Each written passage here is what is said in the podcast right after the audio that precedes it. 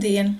Es esmu kultūra vēsturniece un latviešu apģērba vēstures pētniece Ieva Pīgozne. Vai zini, kādās krāsās dažādos gadsimtos ir bijis latviešu apģērbs? Senākās liecības par apģērbu, kas izgatavots no auduma, mums ir apmēram no 3. un 4. gadsimta. Kopš tā laika ir saglabājušies nelieli lina un vilnas auduma fragmenti, kas atrasti arheoloģiskajos izrakumos. Jau no pašiem pirmajiem atradumiem vilnas audumi diezgan bieži ir bijuši krāsoti, kamēr līna audumi nav tikuši krāsoti līdz pat iespējams 20. gadsimtam. Senākās krāsas, kādas atrastas vilnas apģērbos, ir sarkana un brūna, un pavisam drīz, jau no 5. un 6. gadsimta, ir liecības arī par tumši zilu jeb mēļu krāsu. Mēļā un brūnā krāsa ir izmantotas audumos, tas ir lielos laukumos, bet sarkanā krāsa ir lietota rotājumiem, piemēram, iejausta cēlo apaudrakstos un izmantota dekoratīvām šuvēm. Sākot ar 11. gadsimtu šīm trim krāsām pievienojas dzeltenā krāsa, kuru tāpat kā sarkano izmanto tikai rotājumos, taču retāk. Turklāt starp retajiem dzeltenās krāsas lietojuma gadījumiem Daudz biežāk dzeltenā izmantota tieši sieviešu apģērba rotājumos.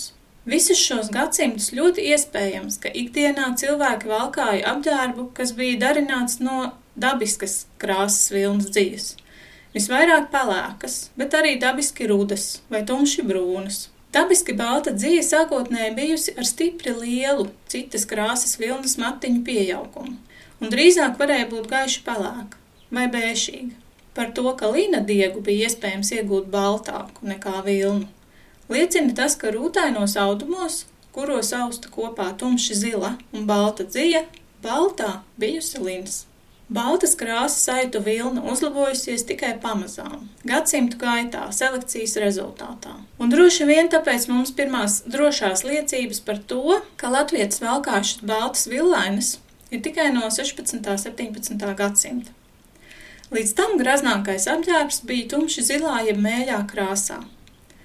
Arī vēlāk tumši zilo mēdz izmantot tikai daudz retāk, bet apmēram 18. gadsimta sākumā baltā latviešiem izveidojās par modernāko un graznāko krāsu, un no tā brīža apmēram simts gadus baltas vilainas, balti brunči un balti mēteļi bija graznākais, ko latvieši varēja uzvilkt mugurā. No šī laika arī saglabājušies bieži folklorā pieminētie mani balti bāleliņi vai balta nāca tautumeita.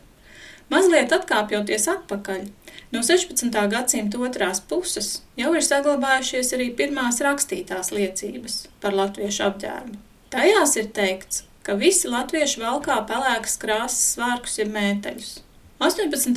gadsimtā baltie mēteļi pelēkos nedaudz aizēnoja, bet 19. gadsimtā pelēkie svārki atkal atgriezās plašā lietošanā. Interesanti, ka zaļā krāsa pievienojusies latviešu apģērba krāsām tikai ap 18. gadsimtu. Agrāk tādas valkāšana nav fiksēta ne arheoloģiskajos izrakumos, ne rakstītajos vai zīmētajos avotos. Iespējams, ka zaļā krāsa būtu sākta izmantot agrāk, Taču 16. un 17. gadsimtā Eiropā pastāvēja uzskats, ka zaļā ir visa ļaunuma krāsa. Tajā tika zīmēti puķi un vēlni.